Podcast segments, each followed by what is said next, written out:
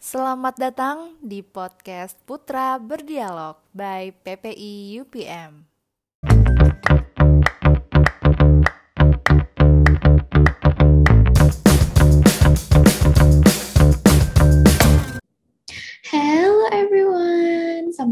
Di Podium Podcast Muda-Mudi PPI UPM. Basically, Podium ini adalah proker terbaru dari divisi PSDM nih guys. Nantinya kita di sini bakal undang guest-guest yang keren-keren pastinya, yang bertujuan buat inspiring kita supaya lebih semangat lagi tentunya buat selalu berkarya asik. Dan gak lupa juga bareng aku Nashwa. Oke? Okay? Untuk podium episode pertama ini, kita bakal ngobrol sama salah satu orang hebat di balik kabinet Sahitya Antasena nih. Penasaran kan? Kita langsung aja openingnya gak usah lama-lama karena bakal banyak pastinya yang diobrolin. Uh, langsung aja kita undang. Halo Kak Ocha, apa kabar? Halo, halo Nashwa, halo semuanya. Aku kabarnya baik, ya. cuma lagi karantina aja. Oh Nashwa iya. gimana? Baik, Nasya Alhamdulillah. Kak Ocha lagi karantina di mana? Ke Malai?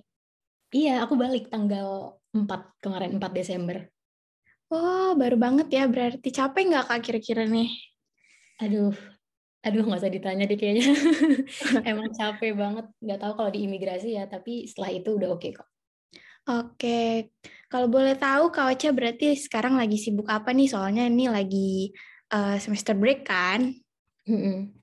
Kalau sekarang karena lagi semester break sebenarnya aku berusaha untuk memanfaatkan sebaik mungkin ya. Karena kalau lagi nggak break pasti bakal hektik banget. Tapi aku nggak ada kegiatan yang gimana-gimana soalnya kelas nggak ada gitu kan. Terus grup discussion juga nggak ada. Paling aku ngelanjutin kegiatan-kegiatan organisasi aja gitu. Oh baik baik. Um, BTW ini banyak banget yang request podcast pertamanya PSDM itu undang Kauca karena banyak banget yang bilang Kauca public speakingnya keren banget dan banyak sih yang kepo sama kehidupan Kauca jadi Nasya boleh tanya-tanya sedikit dong boleh kan? Oh my god, oke okay, boleh boleh boleh. Hmm, Oke, okay. dengar-dengar kakak ambil double degree nih di univ lain, di mana ya kak kalau boleh tahu? Double degree ya, um, sebenarnya aku tuh mungkin aku udah bilang juga ke Nashwa, sebenarnya aku nggak begitu mau disclose gitu kan soal apa yang aku kerjain sekarang kayak secara belak-belakan gitu. Tapi nggak apa-apa sih karena sebenarnya aku emang ada bikin kayak di LinkedIn gitu. Jadi emang sebenarnya orang-orang kalau yang ngepoin mungkin tahu gitu. Uh, kalau yang si soal double degree ini bisa dibilang begitu, tapi sebenarnya aku kuliah jatuhnya emang di dua tempat yang berbeda gitu aku uh, ambil degree yang satu lagi ini di salah satu uh, universitas swasta di Medan namanya uh, Universitas Pembangunan Pancabudi kalau teman-teman tahu atau yang asalnya di Medan juga pasti udah pernah dengar namanya gitu. Iya benar-benar. Di Pancabudi ya kak? benar. Aku ngambil uh, ilmu hukum. Oh baik. Uh, dan sekarang jalannya sama gitu semesternya sama UPM ini? Uh, kalau semesternya sebenarnya lebih dulu yang di Medan, Nasya. Hmm. Lebih dulu yang di Medan karena sebenarnya aku sempat um, apa ya? Aku tamat SMA tahun 2018. Terus aku mikir kayak aku nggak mau nih kalau aku ngebuang waktu pas kuliah di, uh, ngebuang waktu di sini maksud aku adalah aku nggak ngelakuin sesuatu yang aku suka dan nantinya menurut aku nggak akan aku pakai untuk ngasih manfaat ke orang lain gitu jadi uh, aku uh, ngambil yang ilmu hukum di Pancabudi untuk ngeliat nih kira-kira aku suka nggak ya ngambil ilmu hukum gitu. Terus uh, setelah aku jalanin sampai 2-3 semester, awal-awalnya aku kan kayak kurang minat, tapi lama-kelamaan udah mulai menyesuaikan juga, ternyata uh, masih bisa nih dikerjain gitu. Terus baru setelah itu aku dapat uh, satu setengah tahun kemudian, apa satu tahun kemudian, baru dapat yang offer letter dari UPM gitu. Makanya yang di Pancabudi yang di Medan itu lebih duluan. Hmm, kalau gitu boleh diceritain nggak kak pertimbangannya apa buat akhirnya mutusin double degree? Kenapa nggak uh, jalanin si hukum aja? Kenapa tetap uh, ya udah deh ambil aja dua-duanya UPM juga boleh gitu? Hmm, oke. Okay. Karena mungkin kalau orang-orang atau nasional sendiri atau yang dengerin pasti mikir kayak double degree kan kan susah gitu apa fokusnya nggak kebagi gitu-gitu um, aku sebenarnya awalnya udah mau ngelepas yang hukum bukan yang UPM gitu aku mau ngelepas yang hukum dulu tapi setelah itu aku kan uh, ini aku mempertimbangkan nanti setelah aku dapat degree yang dari UPM, aku mau mempergunakan degree itu untuk apa gitu? Apakah aku emang mau jadi seseorang yang terjun banget ke dunia yang berhubungan sama science and technology atau aku mau berhubungan sama environmental management banget atau aku mau yang terjun ke dunia yang uh, berhubungan sama policy making, politics dan lain-lain gitu. Nah, hmm. setelah aku renung-renungkan, aku pengen berkontribusi di bagian yang berhubungan sama policy making dan politics tadi gitu. Makanya salah satu pertimbangan aku untuk tetap ngambil dua-duanya karena aku merasa basic aku di ilmu hukum akan sangat berguna juga nanti. Misalnya aku mau uh, melanjutkan quote unquote karirku di environmental policy gitu. Nah, uh, itu satu pertimbangan. Pertimbangan aku yang kedua adalah Uh, aku ngerasa kalau aku tinggalin ilmu hukum begitu aja dengan effort yang udah aku kasih selama satu setengah tahun, uh, itu tuh terlalu apa ya, terlalu sayang gitu buat akunya. Karena selama satu setengah tahun itu aku udah belajar banyak banget dan aku tahu ini bisa berguna buat aku juga di masa depan gitu. Terus pertimbangan yang ketiga ini tuh karena sebenarnya gara-gara corona sih. Uh, mungkin corona itu aku selalu bilang uh, both a blessing and a curse. Karena emang banyak banget yang uh, apa ya yang merasa dirugikan juga dari adanya corona ini. Tapi di satu sisi karena corona terus kita bisa online akhirnya aku bisa ngikutin uh, kedua kuliah ini walaupun di dua negara yang berbeda gitu. Karena kan kita uh, mostly kelas-kelasnya itu online. Jadi aku bisa tetap ikut ujian bisa tetap uh, ngerjain kuis-kuisnya. Jadi uh, bisa lebih di adjust juga pace-nya gitu jadi ada tiga pertimbangan sih sebenarnya pas aku ambil dan memutuskan untuk double degree gitu. Uh, kalau boleh tahu nih, mungkin ada yang nggak tahu Kak Oce di UPM ngambil apa? Boleh dibilang dong. Oh iya ya. Uh, kalau di UPM aku ambil environmental management. Oke. Okay. Jadi mungkin kalau Nashwa tahu faculty aku kan barusan bukan barusan ya tapi belum lama ini kayak merge gitu sama faculty forestry. Jadi oh, iya, sekarang iya. namanya Faculty of Forestry and Environment gitu. Terus di situ ada Environmental Management dan Environmental Science and Technology. Yang aku tuh yang Environmental Management, jadi masih uh, gabungan antara uh, rumpun pelajaran IPA sama rumpun pelajaran IPS-nya gitu. Kalau yang satu lagi emang lebih ke IPA-nya. Ke IPA ya, oke. Okay. Um, kalau gitu, uh, Nasya mau nanya nih setelah Kak Oce jalanin, Udah berapa tahun ya Kak, kalau boleh tahu? Um, aku kalau yang di Medan sekarang semester 7. Yang di UPM semester seharusnya semester 4, tapi aku berusaha untuk nge-cover pelajaran semester 1 sambil berjalan semester-semester yang lainnya. Jadi jatuhnya udah udah ada udah semester 5 juga gitu. Jadi berapa lama ya? Dua setengah tahun maybe. Oke, udah udah lumayan lama ya itu kak. Mm -hmm dua setengah tahun itu lumayan cukup waktu yang cukup lama. Nah, yeah. setelah kau jalanin nih semuanya selama dua setengah tahun, uh, yang kau cara rasain apa sih? Apakah kak Ocha happy, satisfied, atau malah, aduh nyesel banget nih ternyata kayak gini gitu?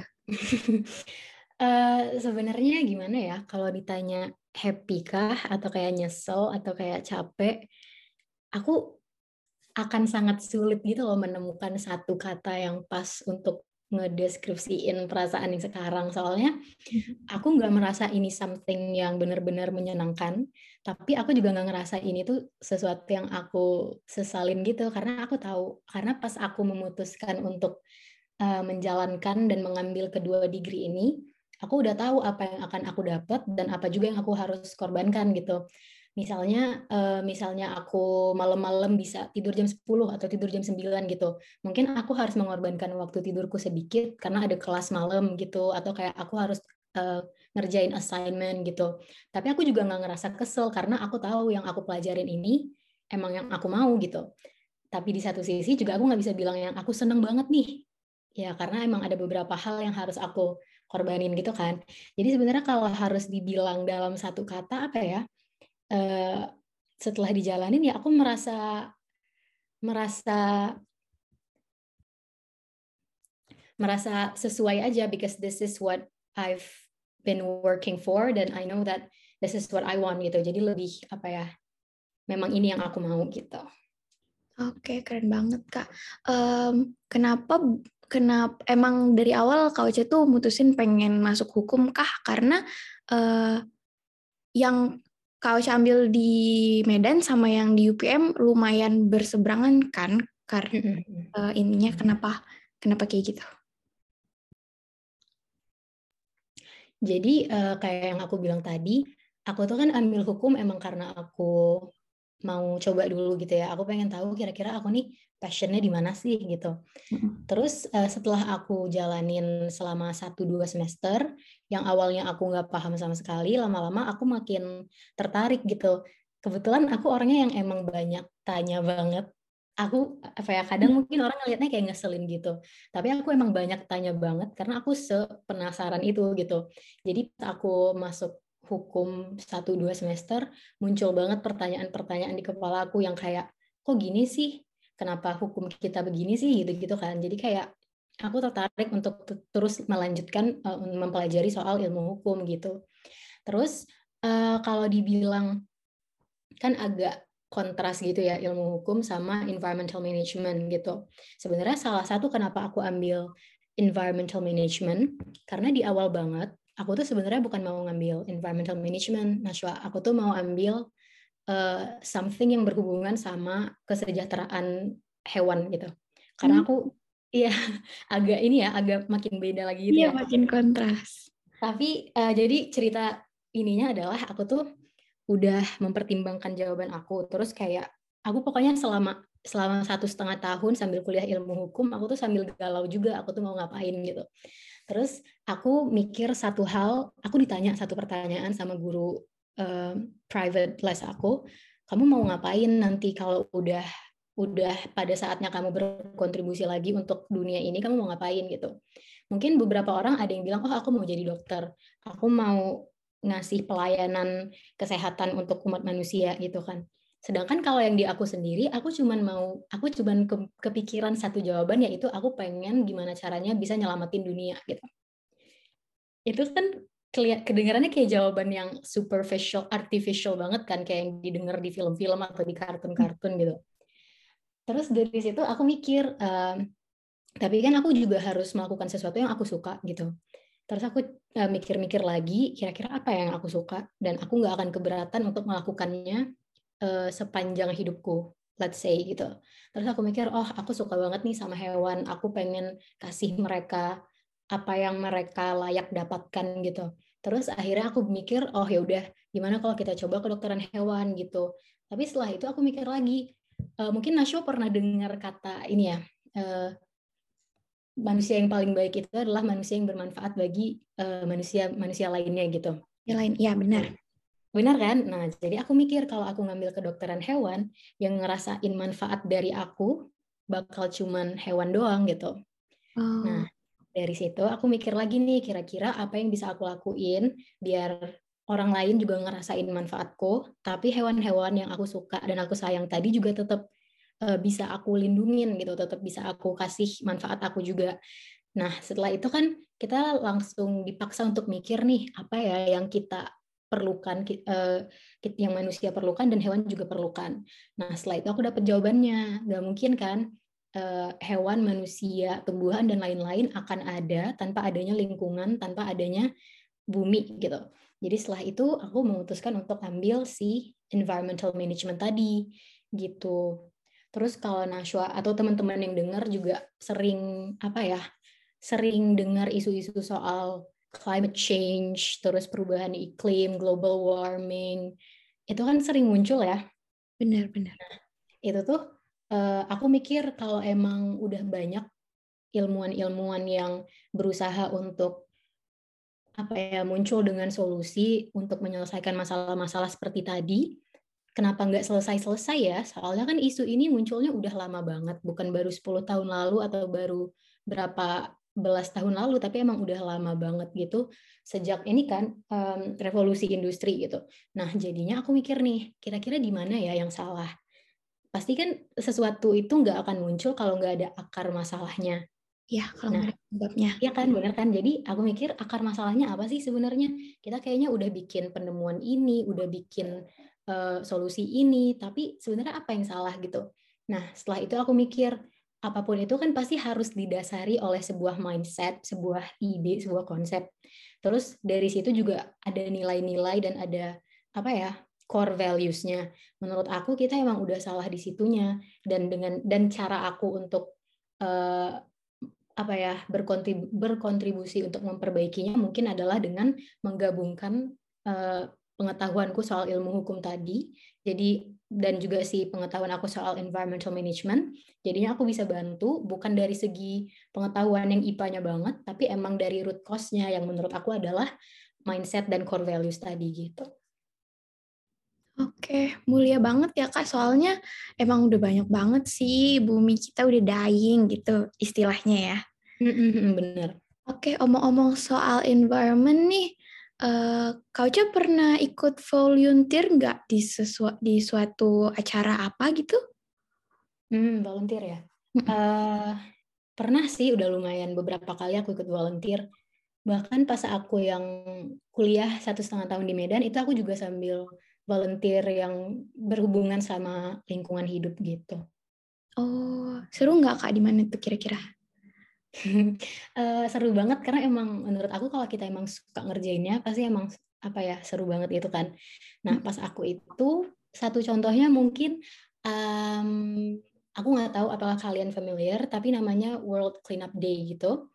Itu tuh satu gerakan secara serentak di seluruh dunia, tapi aku lupa uh, jumlah persis negaranya, ada berapa yang ikutan gerakan ini. Nah, hmm. pada saat hari itu kita bakal sama-sama melakukan kegiatan clean up. Clean up itu uh, bersih-bersih gitu. Jadi kita kayak bersihin sampah, terus kita juga pilah-pilah sampah gitu. Nah, pada saat itu aku ikut kegiatan itu dan aku bagian dari uh, kalau di kepanitiaan mungkin kayak divisi acaranya gitu.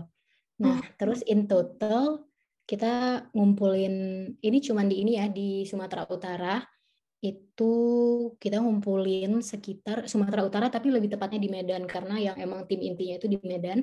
Hmm. Itu kita di Medan aja ngumpulin sekitar 500 kg sampah dan itu cuma dalam satu hari gitu. Oh, berarti banyak ya yang ikut, Kak? Lumayan banyak dan aku seneng banget karena ngelihat ternyata banyak juga orang yang apa ya tertarik sama kegiatan-kegiatan seperti ini dan emang peduli sama isu lingkungan gitu. Benar-benar masih banyak berarti yang peduli sama bumi kita dong. Betul. Uh, ngomong-ngomong soal banyak kegiatan nih, um, menurut kakak nih setelah kakak jalanin uh, double degree dan kegiatan-kegiatan lainnya, uh, rekomen rekomen gak sih buat ambil double degree menurut Kak Ocha? Hmm, rekomen apa enggak ya?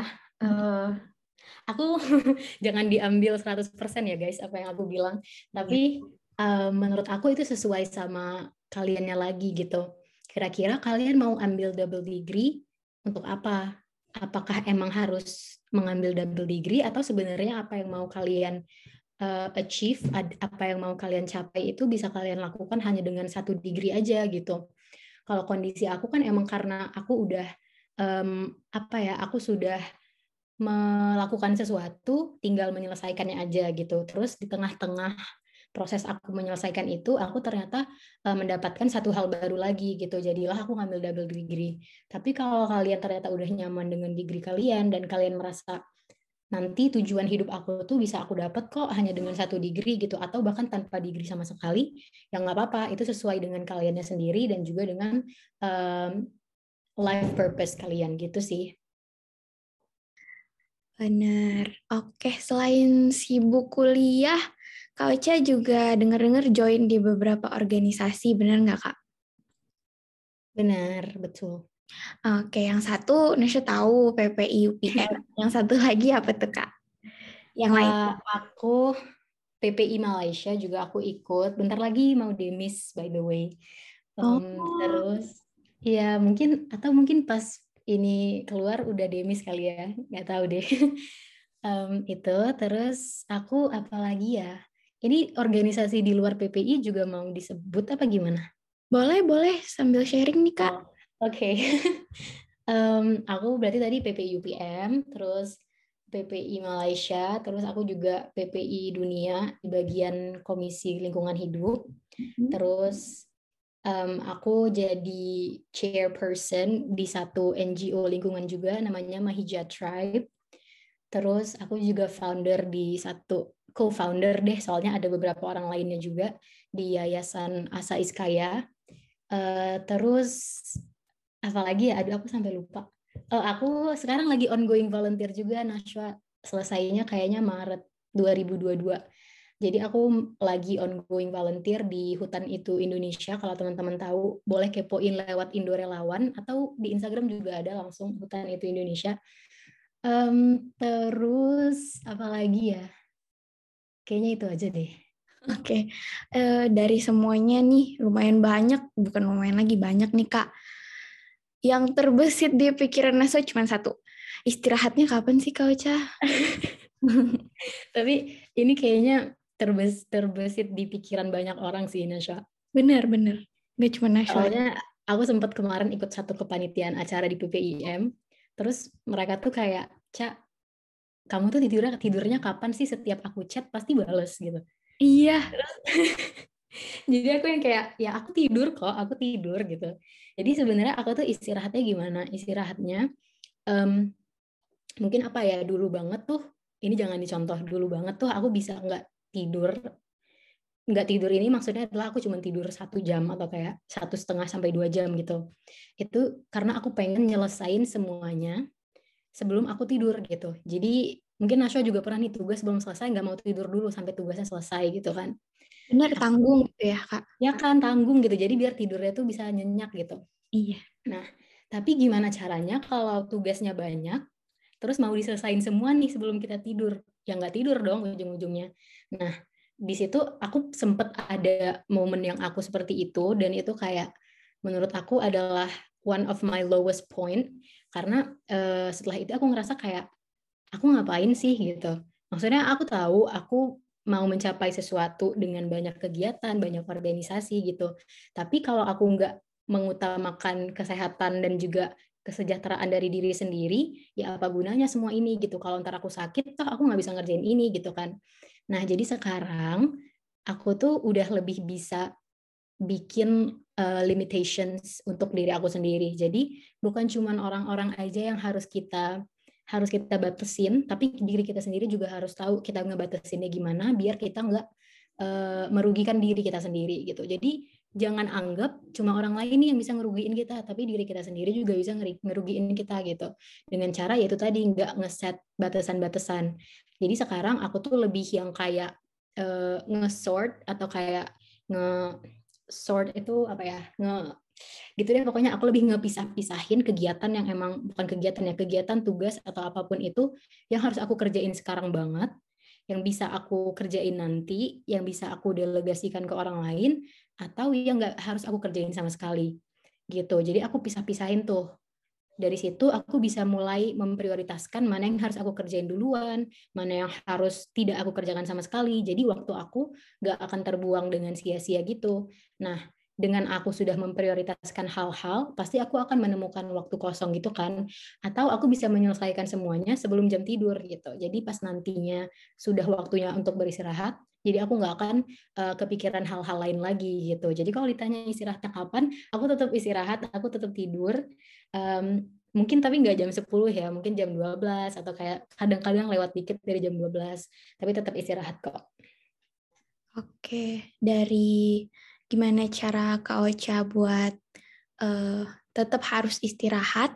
Uh, sekarang tuh kan lagi marak banget ya mental health matter gitu kan Kak. Mm-hmm, Gimana cara kau Ocha manage mental kakak gitu secara mentally dan physically kalau misalnya oh. lagi stres nih misalnya apakah tetap harus udah lanjutin aja udah tanggung atau gimana cara kau Ocha manage-nya? Cara aku manage-nya ya. Kalau aku ini agak sedikit ini sih karena aku dari dulu emang bukan someone yang very healthy mentally, tapi uh, makin ke sini aku uh, pernah ada satu percakapan sama seseorang, terus dia bilang kayak harusnya semua yang aku lakukan itu harus aku bu, harus aku lakukan untuk diriku dulu baru untuk orang lain gitu. Jadi setiap keputusan yang mau aku lakukan, setiap apa pun itu yang aku putuskan untuk lakukan harus aku lakukan untuk diri aku dulu baru untuk orang lain. Nah, karena aku udah uh, I put myself as my priority, jadinya sekarang aku lebih yang kayak ya udah kalau aku emang capek, ya udah berarti aku harus istirahat kalau my mental health is not okay, berarti aku harus press pause. Gak semuanya harus aku apa ya? Aku nggak harus uh, terlihat sempurna dan aku nggak harus melakukan segala sesuatunya secara sempurna karena dari sananya aja kan manusia emang nggak sempurna gitu. Jadi ya emang seharusnya kita saling memaklumi aja kalau ada hal-hal yang kurang atau ada hal-hal yang tidak sempurna tadi. Jadi aku lebih apa ya kalau masalah mental health, uh, aku sekarang lebih ini mem mementingkan bukan mementingkan tapi memprioritaskan diriku gitu dan juga kesehatan mental gitu sih. Oke, bener banget kita harus uh, peduli dulu sama diri sendiri. Gak boleh hmm, bener bener. Soalnya hmm. nggak akan nggak akan apa ya? Aku ngerasa kayak kalau kamu ngelakuin ini untuk orang lain itu tuh akan sangat sama aku sendiri tuh nilainya akan value-nya akan sangat rendah gitu. Karena setelah kamu selesai melakukan hal itu pun kamu akan bertanya-tanya ke diri sendiri, kira-kira ngapain ya aku ngerjain itu? Untuk apa ya aku ada di sini gitu. Tapi kalau kamu ngerjain semua segala sesuatunya itu untuk diri kamu sendiri, pasti kamu nggak akan nggak akan apa ya nggak akan gampang kehilangan purpose gitu di saat mengerjakannya gitu. Oke, balik lagi nih Kak, kalau misalnya kita lagi stres, lagi down gitu ya, kau hmm. terkhusus Kauca nih, kalau Kauca lagi sedih, lagi down, lagi nggak bisa, lagi kalut gitu pikirannya, hmm. uh, apa sih yang bikin Kauca bangkit lagi? Apakah ada motivasi tertentu atau hiburan apa yang paling bikin Kauca bisa semangat lagi? Um, kalau aku, misalnya kita ngomongin dari kegiatan mungkin ya, kalau aku tuh kan uh, mungkin dari tadi yang aku ceritain emang kegiatannya banyak, terus kayak kerjaannya banyak. Nah itu tuh pasti kayak uh, di saat kegiatan dan kerjaan kita banyak, otomatis uh, ruang di pikiran kita itu emang kayak yang rame dan very busy gitu kan. Jadi udah capek aja gitu. Nah misalnya aku emang lagi uh, capek nih, terus aku lagi down, aku tuh biasanya um, malah nggak ngapa-ngapain gitu. Mungkin beberapa orang ada yang aku keluar nih cari uh, suasana baru atau aku mau nonton film dulu deh sampai berjam-jam gitu. Aku tuh malah yang emang diem dan gak ngapa-ngapain gitu. Mungkin aku uh, rebahan aja atau kayak aku duduk ngeliatin uh, ngeliatin orang-orang lain lagi main gitu. Uh, dan itu membuat aku lebih apa ya lebih bisa mendapatkan um, apa yang orang-orang sebut tuh kayak healing gitu. Jadi aku tuh emang lebih aku tuh suka sendirian dan aku suka ketenangan gitu. Oke, jadi Kauca lebih ke take a break gitu ya. Tapi kalau soal motivasi tadi dan untuk semangat untuk bangkit lagi, aku tuh selalu ingat papa mamaku sih. Karena uh, mungkin beberapa orang ada yang bilang kayak itu kan emang udah tanggung jawab orang tua untuk ngesekolahin anaknya, untuk kasih ini, untuk kasih itu. Memang benar sih, tapi di satu sisi aku sebagai anak ya aku tahu diri karena aku udah dikasih seperti itu, aku juga harus ngasih yang terbaik gitu buat orang tuaku karena aku tahu nyari nyari uang untuk kuliah juga nggak susah dan sekarang aku alhamdulillah dibiayain masa sih kurang jadi aku selalu yang kayak setiap aku males-malesan atau kayak aku udah aku mau aku nggak mau ngerjain assignment atau apa, aku langsung mikir udah berapa banyak resource yang dipakai orang tuaku untuk bisa kasih aku tempat dan aku bisa untuk bisa kasih aku tempat di kuliah, untuk bisa ngasih aku uh, segala macam facility yang sekarang aku punya gitu. Jadi mungkin aku aku juga bukan orang yang perhitungan, tapi aku tahu seenggaknya aku harus kasih yang terbaik gitu. Jadi misalnya aku lagi down atau apa, bukan berarti nggak boleh down karena kadang aku kalau lagi mau nangis ya nangis aja kalau emang lagi males ya males aja tapi jangan di apa ya jangan dwell on that sadness gitu loh jangan terus-terusan karena ada memang saat-saat yang kita nggak mau ngapa-ngapain ya silahkan nggak ngapa-ngapain tapi besok udah harus bangkit lagi gitu Oke, berarti nggak boleh berlarut-larut dalam kesedihan. Ya, betul. Ya, Jangan. Oke. Omong-omong soal semuanya yang udah Kak Ocha jalanin dari uh, pokoknya perjuangan Kak Ocha ini deh, apakah Kak Ocha udah satisfied sama diri Kak Ocha sendiri? Gimana? Menurut Kak Ocha gimana sih caranya supaya selalu ningkatin kualitas diri? Versi Ocha. Versi aku ya, oke. Okay. Um, kalau ditanya apakah aku udah satisfied sama diri aku sendiri, I'm not. And I will never be satisfied jadi um, kenapa gitu? Perasaan mungkin beberapa orang bakal nanyakan kenapa sih kan Ocha udah seperti ini, kan Ocha udah seperti itu.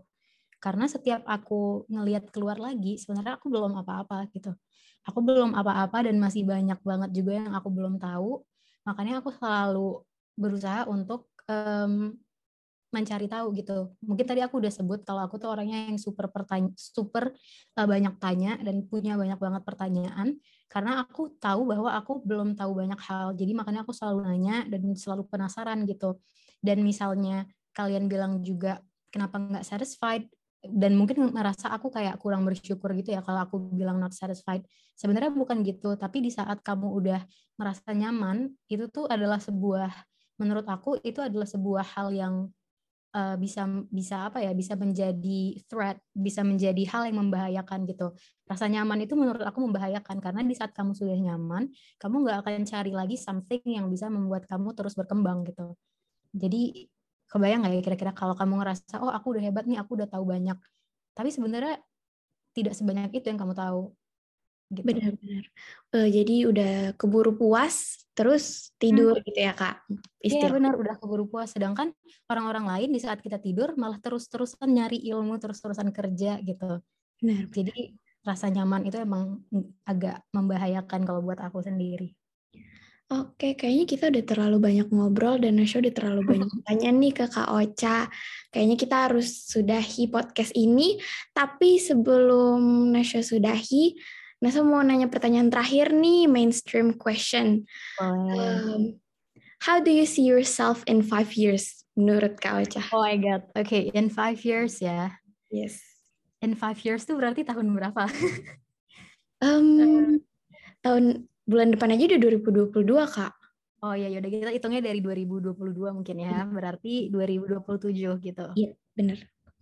I will see myself as someone who contributes to the world uh, while pursuing my if not master's degree berarti PhD. Amin. Amin. Oke, oke kalau gitu makasih banget Kak Ocha uh, udah datang ke podcastnya PSDM. Sukses terus Kak Ocha, semangat. Oke. Okay. Oke, okay, terima kasih Nashwa, terima kasih juga PSDM sudah mengundang aku. Terima kasih. Makasih juga buat semuanya. Mungkin kalau misalnya masih banyak pertanyaan buat Kauca, kita bisa undang Kauca lagi di episode-episode selanjutnya. boleh, boleh, boleh. Kalau nggak bosen dengerin aku. Nggak ada yang bosen dengerin Kauca, tau nggak sih? Oke, okay, thank you Kauca. Thank you. Bye. Bye.